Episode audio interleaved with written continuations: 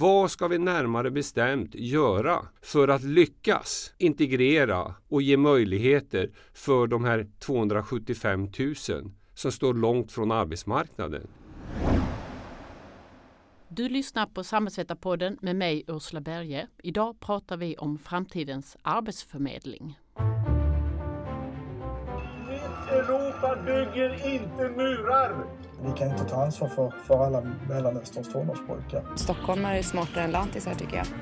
Kladda inte ditt kladdiga kladd!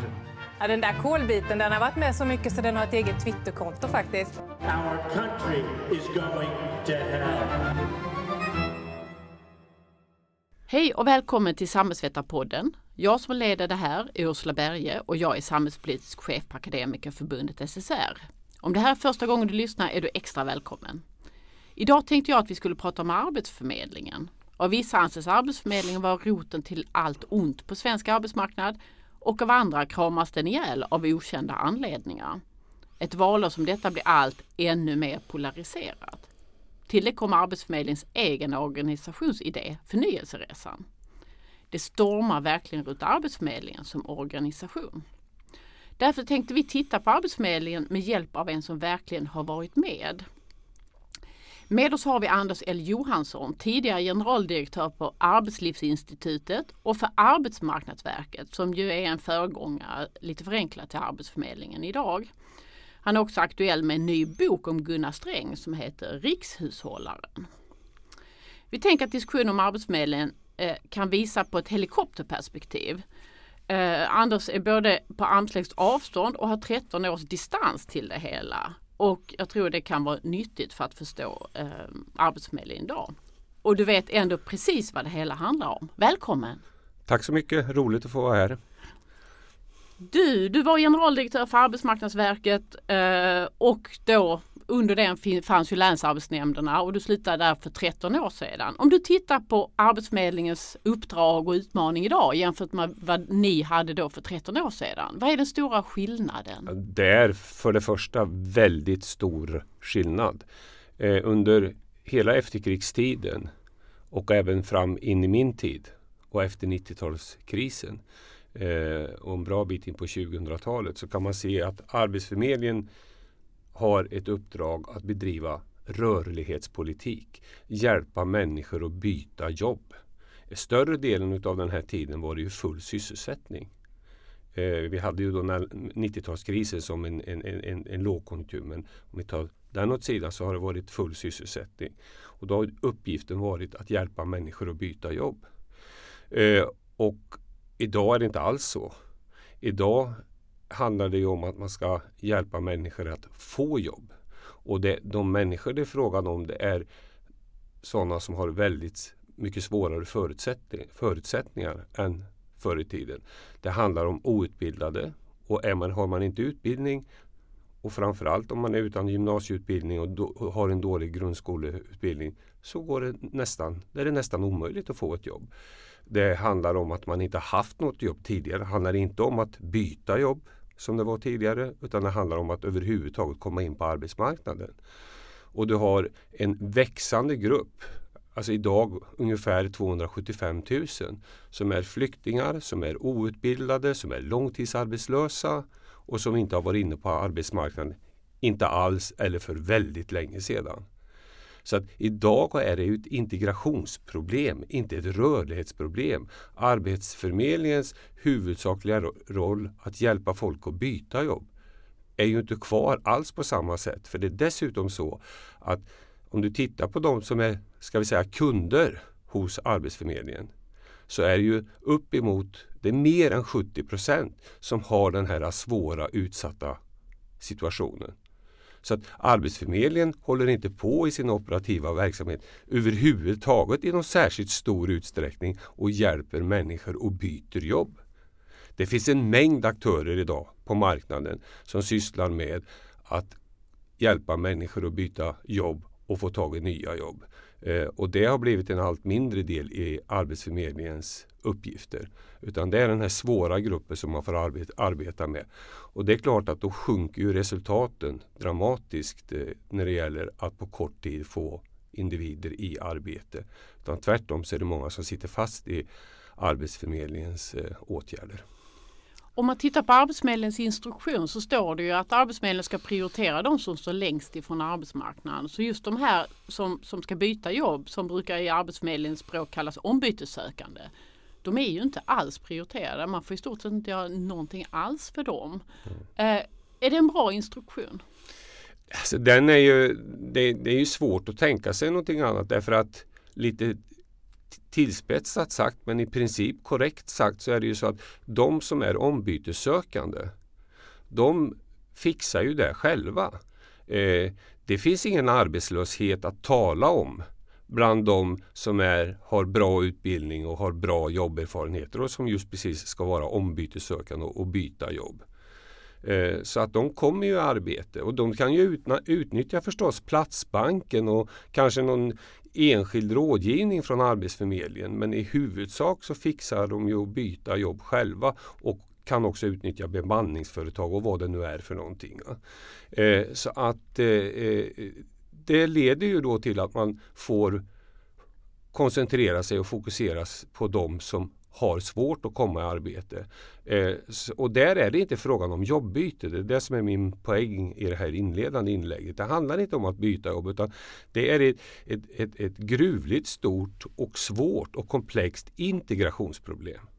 Och där det, det, det, den huvudsakliga pusselbiten skulle jag säga är inte i första hand jobb, det är utbildning. Att de rustas med utbildning så att de blir attraktiva på arbetsmarknaden och, och kan få anställning. Har du inte en, en tillfylles utbildning så är det jättesvårt att få ett jobb på arbetsmarknaden idag. Och det finns det studie efter studie som nu i ganska många år har visat. Har du inte en gymnasieutbildning så är det jättesvårt att få ett fast fotfäste på arbetsmarknaden. Mm. Och det är ju ingenting som Arbetsförmedlingen sysslar med överhuvudtaget. Mm. Jag tänkte vi skulle tillbaka till det här med utbildningsfrågorna för de mm. är centrala. Men jag tänkte fråga varför behövdes det en, ett arbetsmarknadsverk och länsarbetsnämnder förut för att hjälpa folk att byta jobb? Som du inte tycker behövs idag för de citat klarar det själva? Eh, ända fram på min tid. Jag var ju GD på AMS då från 99 till 2005. Ända fram in i min tid så hade man det nickname på Arbetsmarknadsstyrelsen. Alla måste söderut. Alltså Sverige har ju en otroligt sen, eller inte otroligt, en väldigt sen industrialisering.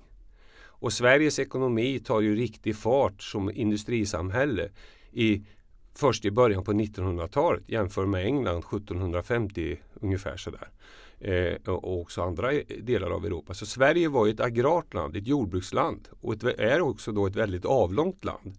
Så att när industrin expanderade och växte och vi blev ett industrisamhälle, låt säga från 30-talet och fram till en bit på, på, på 50-talet när det växte och knockade så behövde ju folk lämna jordbrukssektorn och gå in i industriarbete. det var ju företrädesvis män det handlade om under den här tiden. Och då behövde också eh, eh, fylla på sina kompetenser och sina kunskaper för att kunna matcha, matchas in i det industriella arbetet. Och därför så kan man säga att arbetsmarknadspolitiken var en rörlighetspolitik. Men det var geografisk rörlighet vi pratade om då? Alltså. Det var väldigt mycket och det var ju därför man fick det här öknamnet på AMS då, alla måste söderut. Mm. Och all, alla, eh, vi som är lite äldre kommer väl ihåg den här tv-serien, eh, vad hette den, Hem till Hem till, jag vet inte, hem till gården, hem till byn? Ja, någonting så, så som handlar precis om det här och som var ju liksom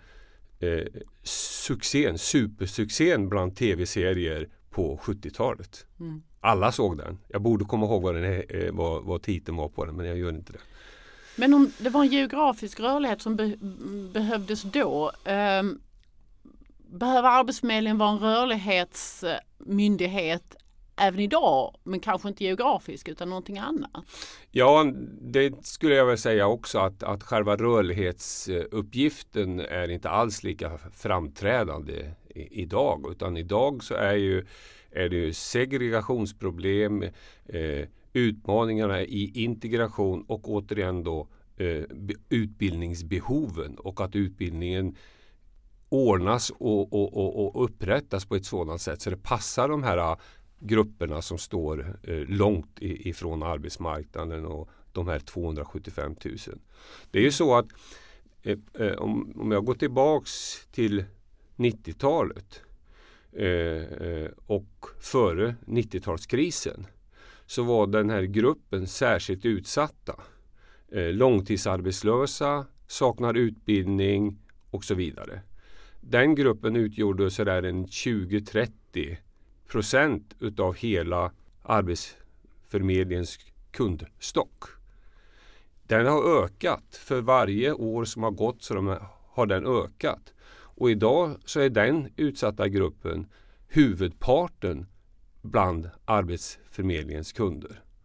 Eh, och det är klart att då måste ju verksamheten styras om som jag ser det så att man klarar det som är det grundläggande. Man kan inte sätta likhetstecken mellan integration och jobb som vi kunde under hela efterkrigstiden. Integrationen var ju att få ett jobb. Det var så man skulle integreras i samhället.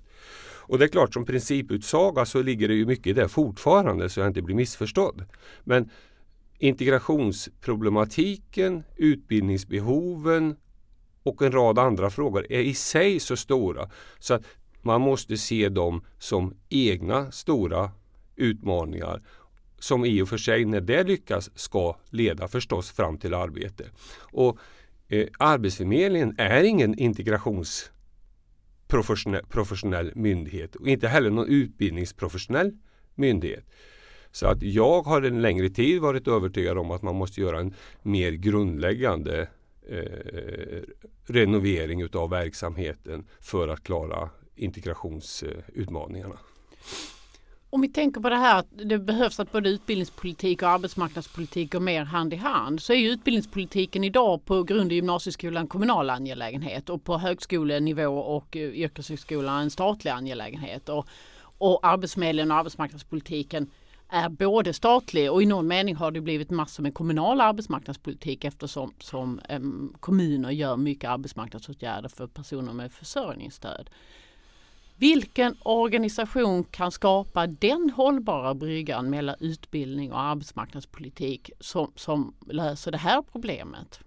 Ja, jag tror faktiskt inte den finns. Eh, utan jag tror att man måste, precis på det sättet som du resonerar, så måste man på ett mer genomgripande sätt och det hoppas jag den utredning som nu sitter eh, gör på ett mer genomgripande sätt Eh, klara ut vad är det för huvudsakliga insatser som behövs för den utsatta gruppen på uppemot 275 uppemot 300 000. Och så får man designa insatserna efter deras behov. Det måste börja i deras behov. Eh, och inte allt för, jag påstår inte att det är så, men det får inte liksom stanna vid naiva föreställningar om att om vi matchar lite extra, om vi har lite mer arbetsgivarkontakter så ska också de få jobb. Eh, så har det inte blivit, så har det låtit, men så har det inte blivit bevisligen. Trots att vi har en tio år lång högkonjunktur bakom oss. Och vi vet alla att inom loppet utav kanske två, tre år eller någonting i den stilen så kommer vi att gå in i konjunkturnedgång. Och då kommer det bli ytterligt svårt att nå det yttersta målet, nämligen att rusta de här individerna och, och, och, se, och, och se till att de får möjligheter till ett arbete. Så att det, är, det så- att säga brinner i knutarna. Därför att insatserna utifrån deras behov och inte minst återigen utbildning men också andra behov måste ju föregå möjligheten att få ett arbete. Man kan inte gå direkt på målet arbete så att säga utan integrationsfrågan måste i sig på sina meriter och på, utifrån individerna behov få myndighetsmässiga lösningar och mellan olika myndighetsåtaganden så att det blir broar mellan utbildning, sociala insatser och vad det nu är för någonting. Mm. Det är ju, den politiska debatten eh, är ju sådan att det är av någon anledning Arbetsförmedlingen som är den stora politiska korselden på, på nästan allting just nu. Eh, är det annorlunda jämfört med på din tid eller har det alltid varit så här?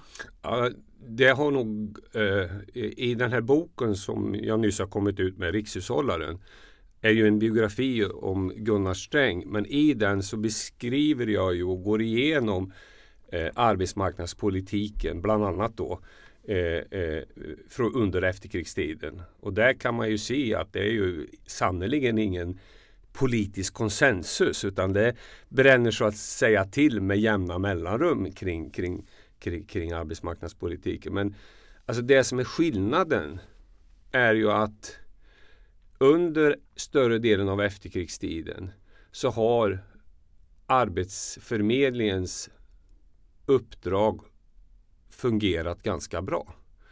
Eh, och den fick ju också ett, ett, ett gott renommé och rykte runt om i världen. Eh, och det är klart att det har ju att göra med förutsättningarna. Eh, och eh, rörlighetspolitiken hade det inte blivit mycket av om vi inte hade, den här, hade haft den här eh, jättetillväxten och expansionen av industrisamhälle. Eh, så att förutsättningarna måste alltid finnas. Eh, och det gjorde de och, och, och därför fungerade Arbetsförmedlingen. Idag skulle jag säga att arbetsförmedlarna och Arbetsförmedlingen har alltså, har ett ganska otacksamt och, och, och, och eh, alldeles, alldeles för svårt uppdrag. Därför att man förväntas bedriva verksamheten utifrån samma instruktioner och samma mål som, som det har sett ut under efterkrigstiden. Trots att problemet och utmaningarna är helt andra. Eh, och så får då förmedlarna skit för dåliga resultat. Eh, eh och ingen säger att det beror ju faktiskt på att förutsättningar har ändrats. Det beror ju på att vi har många som inte har, är tillräckligt rustade för att få ett jobb. Eh, det beror på att över 70 procent utav kundstocken är särskilt utsatta grupper. Så var det inte tidigare. Eh, så att eh, uppdraget har ju blivit oerhört mycket svårare. Eh, och man är alldeles för fokuserad på individ och individperspektivet. Jag brukar säga att arbetslöshetsfrågan har ju och arbetslöshetsproblemet har ju individualiserats. Det, det, det, det är individen som är problemet när det är arbetslöshet. Det är inte heller efterkrigstidens syn på arbetsmarknadspolitiken utan det var hela tiden en fråga om att balansera utbud och efterfrågan. Det vill säga arbetsmarknadens efterfrågan på arbetskraft. och insatser för att det skulle bli en, en bra efterfrågan. Och där regionalpolitiken ju har varit mycket kraftfullare bakåt i tiden jämfört med vad den är idag. Eh, eh, därför att det spelar ju ingen roll om vi lyckas utbilda människor på ett bra sätt och de finns i delar av landet där det inte finns några jobb. Då blir det ju lika fullt svårt att komma i arbete. Så att det är en obalans mellan efterfrågesidan, det vill säga marknaden och vad den efterfrågar och det starka fokuset på att, att man har individualiserat arbetslöshetsproblemet. Och det handlar bara om att individen ska bli anställningsbar, ska rusta sig, ska utbilda sig för att komma i arbete. Och man pratar ingenting om om hur marknaden ser ut, de stora, enormt stora och växande regionala skillnaderna, eh, skillnaderna mellan skogslänen och storstäderna och så vidare. Som ju är ett mm. växande problem. Du, eh, jag tänkte på, eh, nu har vi haft en socialdemokratisk regering i snart fyra år och tidigare hade vi en borgerlig regering i åtta år. Eh, den borgerliga regeringen då fokuserar väldigt mycket på arbetsmarknadsåtgärdernas innehåll. De införde nystartsjobb och regleringen ändrades. Och man tittar på, alltså, då, då var arbetsmarknadspolitiken mycket eh, reglering, åtgärder, man hittade på nya saker och så vidare. Nu handlar allt om organisationen, Arbetsförmedlingen. Varför blev det så? Så jag, jag, tror inte det finns något, något sånt här liksom genomtänkt svar till det. För att jag tror inte att det är genomtänkt. Utan det, det, har, varit, det har varit mer av en process. Och eh, Det jag ju pratar om och det jag ju säger är att utmaningarna, uppdraget har förändrats i grunden. Kvar står Arbetsförmedlingen som den alltid har sett ut ur det har ju kommit då ett, ett begripligt behov av att vi måste göra om den här organisationen. Eh, risken är ju att man roterar om och flyttar om pjäserna i samma box så att säga. Och att det inte leder till den förändring som man har tänkt sig.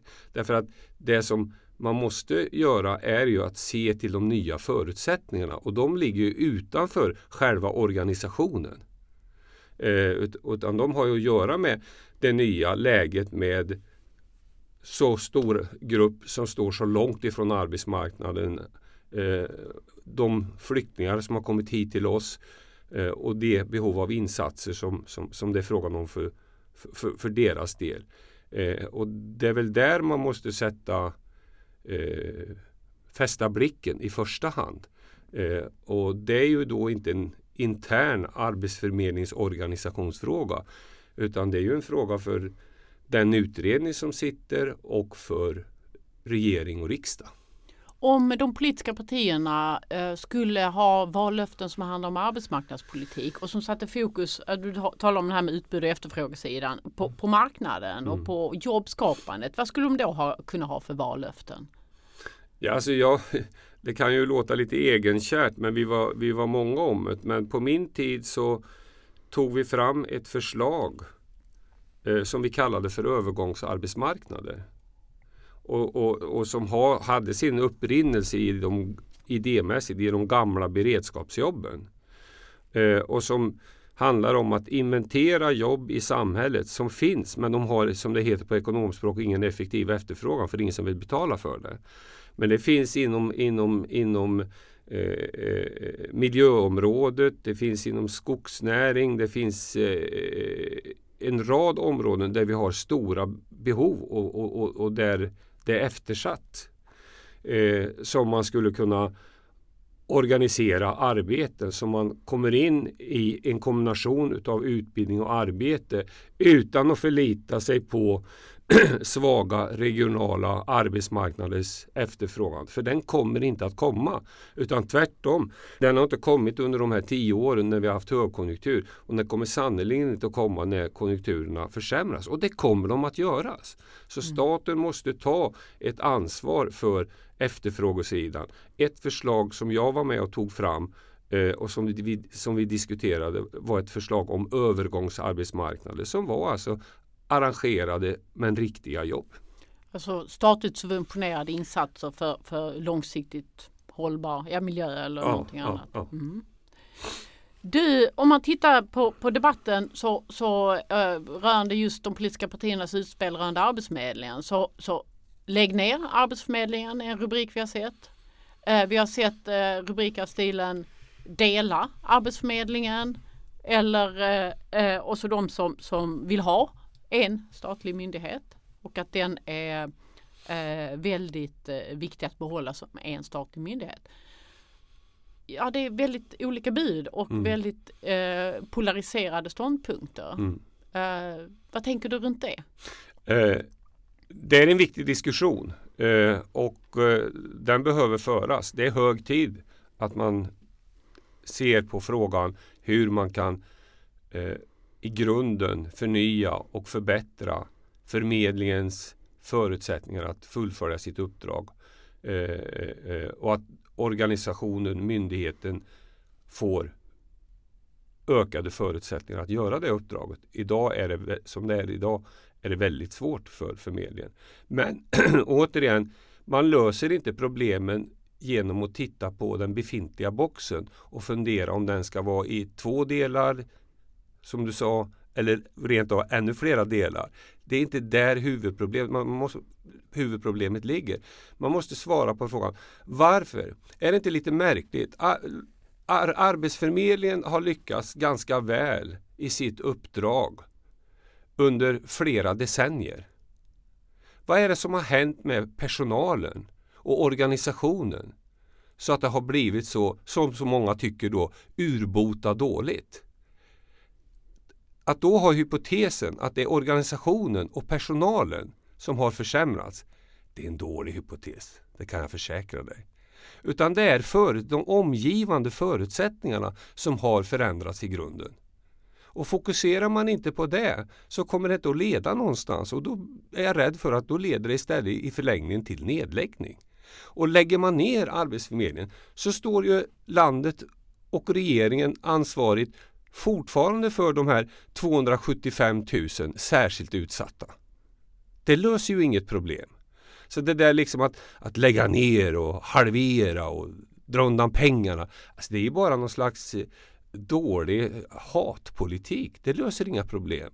Utan återigen, man måste fokusera på de särskilt utsattas behov och så måste man sy ihop insatser och så måste man skapa arbetsmarknader som inte finns eh, där, men där det finns behov eh, så att man kan kombinera utbildningsinsatser, eh, integrationsinsatser och jobb. Mm. Men till exempel extratjänsterna är väl ett exempel på det? Ja, men det har ju inte gått så bra. Nej, men det kanske är lång startsträcka möjligen. Ja. Men är det, för det gäller ju inom eh, vård och omsorg Ja, och men så. man- Men, man- men, då- du men- tänker lite bredare än så? Ja, men alltså man, man, man får inte bara förlita sig på den befintliga arbetsmarknaden. Man måste också skapa politik och skapa jobb på marknaden där jobb idag inte finns men där behoven finns. Eh, om man bara säger att nu rustar vi individen och så vänder vi oss till den befintliga marknaden. Det är ju det man har gjort nu i 10-15 års tid och det, resultaten blir ju sämre och sämre. Och man lovar liksom 30 000 jobb och det blir 800. Alltså det är ju väldigt nedslående resultat i många delar. Eh, och, och, och, och ser, man, ser man till många utav, utav de här eh, skogs, eh, skogslänen och, och ute i landet i, i, i glesbygd. va. Alltså det finns ingen jobbtillväxt. Och då får man i så fall återvända till en rörlighetspolitik och hålla sig lite mer tufft som man gjorde under efterkrigstiden. Där individerna som ska röra sig till dit arbetena finns. Det var det som var rörlighetspolitiken.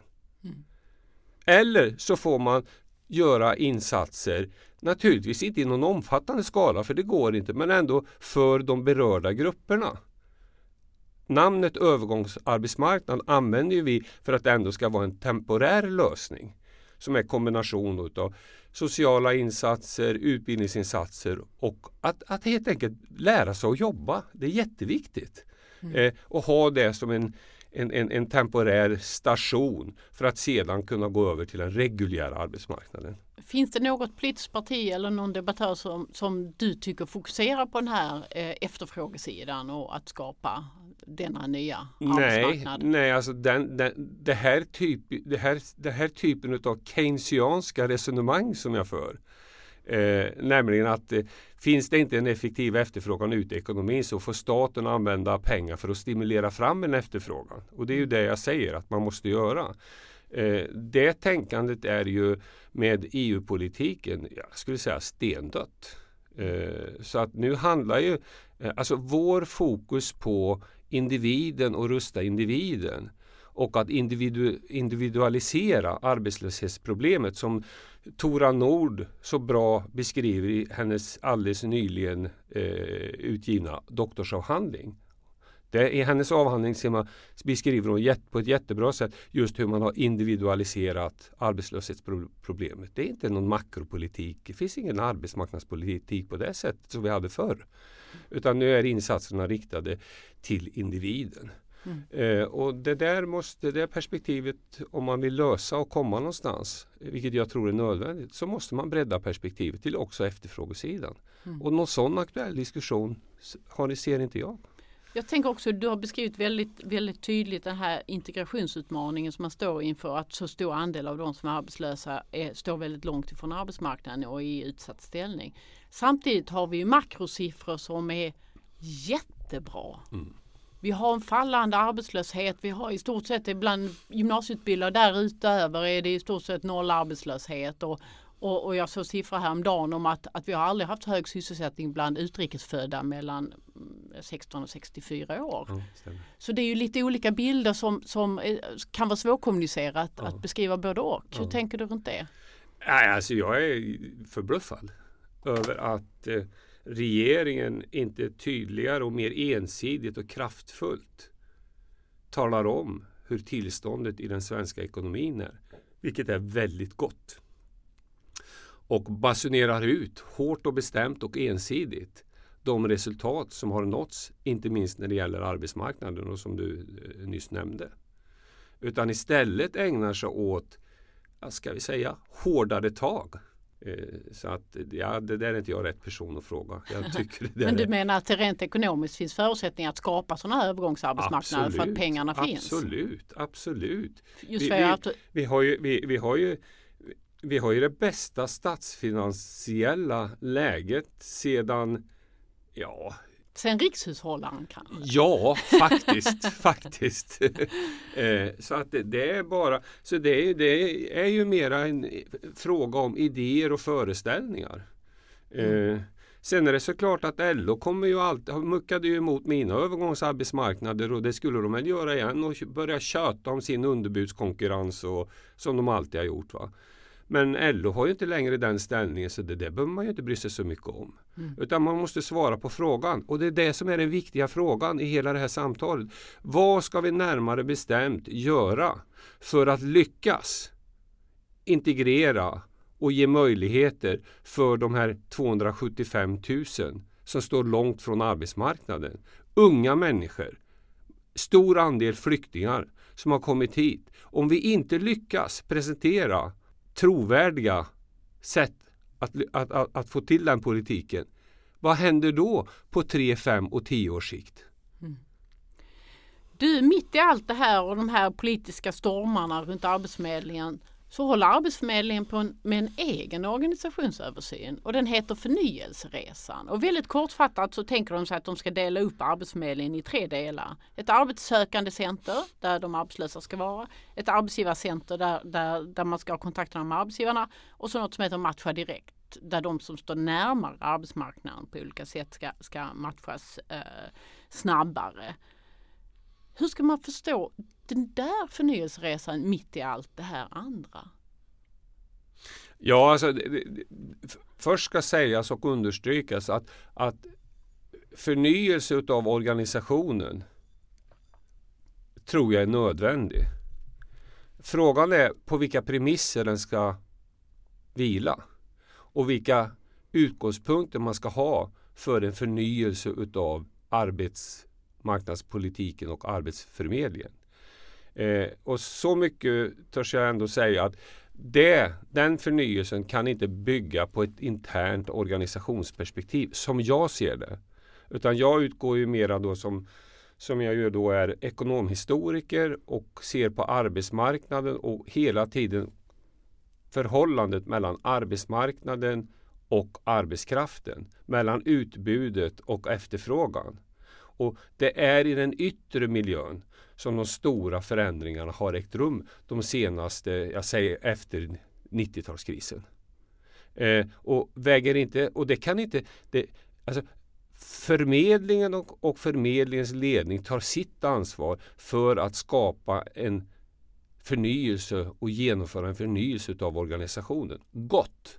Men får inte det gå i takt med att man tänker rejält nytt när det gäller att förstå de yttre förutsättningarna och hur de har förändrats och utgå från de behov som den här stora utsatta gruppen har.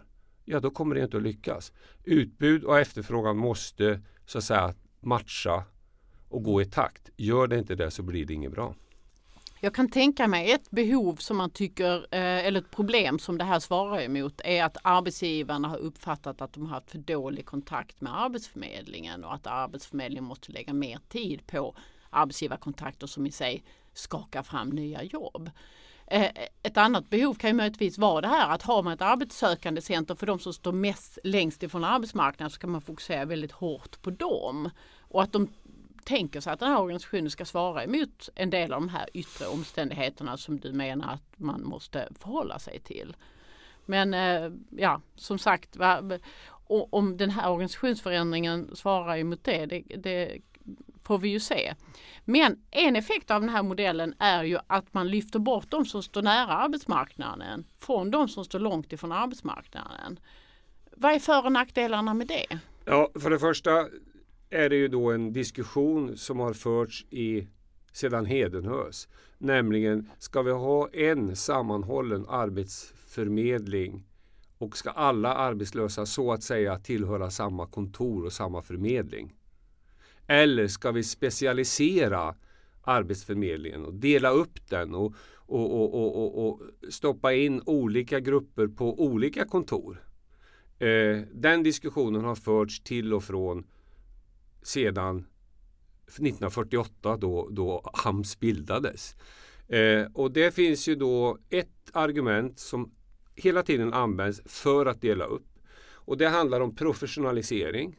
Det handlar om specialisering och det handlar om fördjupade kunskaper både hos förmedlaren och hos den arbetssökande i sin särskilda situation. Och då säger akademiker, säger vi borde ha förmedlingar för bara akademiker. För när vi kommer in på den allmänna förmedlingen så kan inte ni våra akademikerområden, vilket är i många delar är ett riktigt påstående. Eh, så därför borde vi ha särskilda akademikerföreningar, eh, förmedlingar. Eh, och på motsvarande sätt så har man då också fört resonemang om att vi borde dela upp det för de särskilt utsatta långtidsarbetslösa, outbildade och de med högre utbildning generellt sett. Det där har också ett avgörande viktigt motargument eh, och som jag menar är ett huvudargument. Nämligen att skapar man en sån uppdelning och specialisering så skapar man också stuprör. Stuprör är ett av de vanligaste eh, problemen i all myndighetsutövning. Den ene vet inte vad den andra gör och man slussar sig emellan. Det uppstår en massa sådana problem. Men det skapar också i förhållande individer och arbetsmarknad så skapar det jätteallvarliga inlåsningseffekter.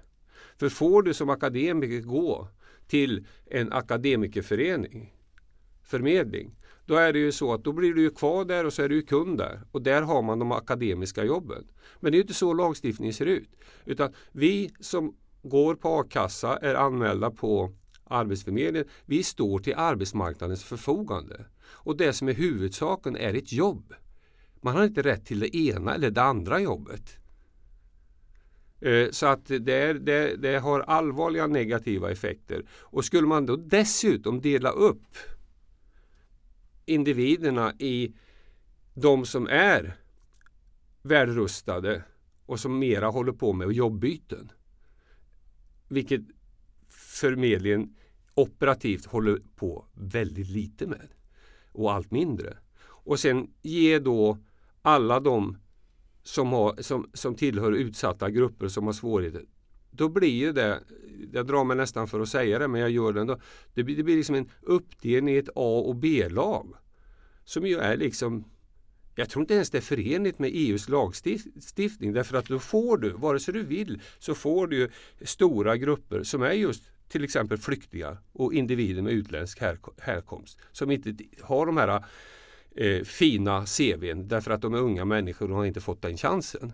Då kommer de alltså att hamna i en del utav Arbetsförmedlingen. Och, och då är det ju så att många av dessa kommer att vara individer med utländsk härkomst. Det luktar diskriminering. Mm. Det, jag, jag, har ofta hört det här att om man har bra kontakt som arbetsförmedlare med en arbetsgivare så kan man eh, hjälpa till att få en kvalificerad person till den arbetsgivaren som den arbetsgivaren har letat länge efter och nu har vi väldigt stora bristyrket. Och då kan man i bästa fall dra med en person som står längre från arbetsmarknaden. Att det finns en sån synergieffekt som, som gynnar även den som står långt ifrån arbetsmarknaden med en sammanhållen arbetsförmedling. Ja, ja absolut. Det där är ett eh, det är ett väl etablerat och känt argument som också går väldigt långt tillbaks i tiden.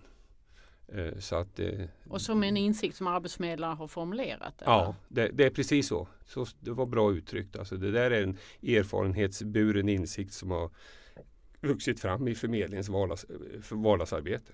Mm. Jag vet att du tittar på ett tv-program som heter Sveriges bästa arbetsförmedling. Eh, och eh, hur, går det till? Hur skapar man en god arbetsförmedling? Hur fungerar den från den enskilda arbetsförmedlaren och hela vägen upp? Ja, alltså, jag, jag, jag, jag, jag, såg, jag har sett ett par utav programmen och eh, först vart jag ganska bestört därför att det, det här sammanhanget och de här yttre förutsättningarna som vi ju ändå har pratat ganska mycket om nu. De finns, så här långt har inte de funnits med i programmet. Utan det handlar om vad gör vi som förmedlare och hur möter vi de arbetssökande? Alltså det är den inre organisationen och det är förmedlingskompetensen. Eh, men så befinner man sig ju då på platser och i sammanhang där den kritiska punkten är just precis det finns inte så många jobb. Eh, och det är såklart att, att, att, att ägna sig då att peptalka personalen med hjälp av konsulter och inte lyfta in den här frågan stigmatiserar ju personalen. För, det, det, för tittaren så, så får vi får väl se nu då vad som händer i de, i de följande programmen. Så, så, så, så kanske man lyfter in det här som, som, som jag är kritisk för att det inte har kommit ännu. Eh, alltså, om inte det här med yttre omständigheterna finns med i bilden så blir det ju en fråga om att personalen inte gör sitt jobb tillräckligt bra. Och det blir en stigmatisering utav förmedlarna som jag tycker är djupt orättvis. Därför Uppdraget är detsamma och har varit under hela efterkrigstiden. Men förutsättningarna har förändrats dramatiskt. Och det måste man väga in när man ska ta förnyelseresor. Och, och det är inte förmedlingens ansvar utan det är regering och riksdags ansvar. Mm. Du, nu har vi ungefär tre, tre och en halv månad kvar till ett val. Vad skulle du ge för råd här avslutningsvis till de politiker som debatterar arbetsmarknadsfrågor om hur de skulle, vad de ska gå till val på, rent ut sagt? Ja, alltså det är ju, det är ju jag, jag kan få svara så här. Jag, jag, jag sätter nu viss förhoppning till den utredning som sitter.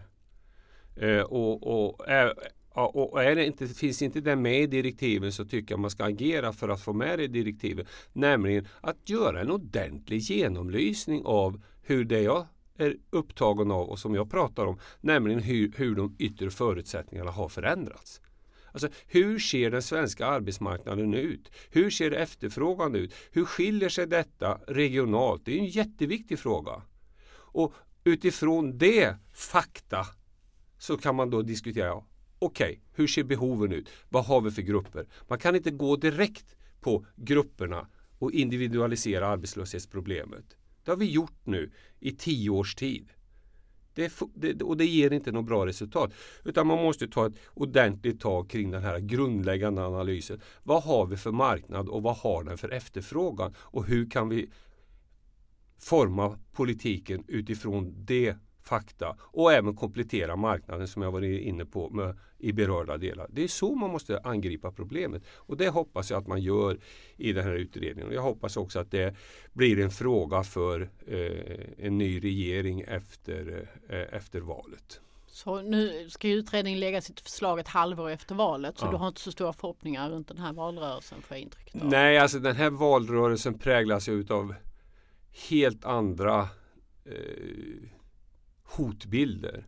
Alltså det är ju faktiskt så att, att oavsett hur det går i valet Alltså för först, normalt sett så är ju valrörelsen det spännande och valresultatet vi ser fram emot. Så är det inte den här gången. Utan det spännande börjar ju när dagen efter valet. Det kaos som vi riskerar att hamna i. Och där det faktiskt enligt senaste siffror mycket väl kan hamna i en en, en, en riksdagsmajoritet som, som, som är Moderaterna, KD och Sverigedemokraterna. Och det vet du, då blir det inte mycket. Då blir det kanske, då är det risker att man lägger ner alltihop. Då får vi en helt annan arbetsförmedling. Ja, det skulle jag gissa.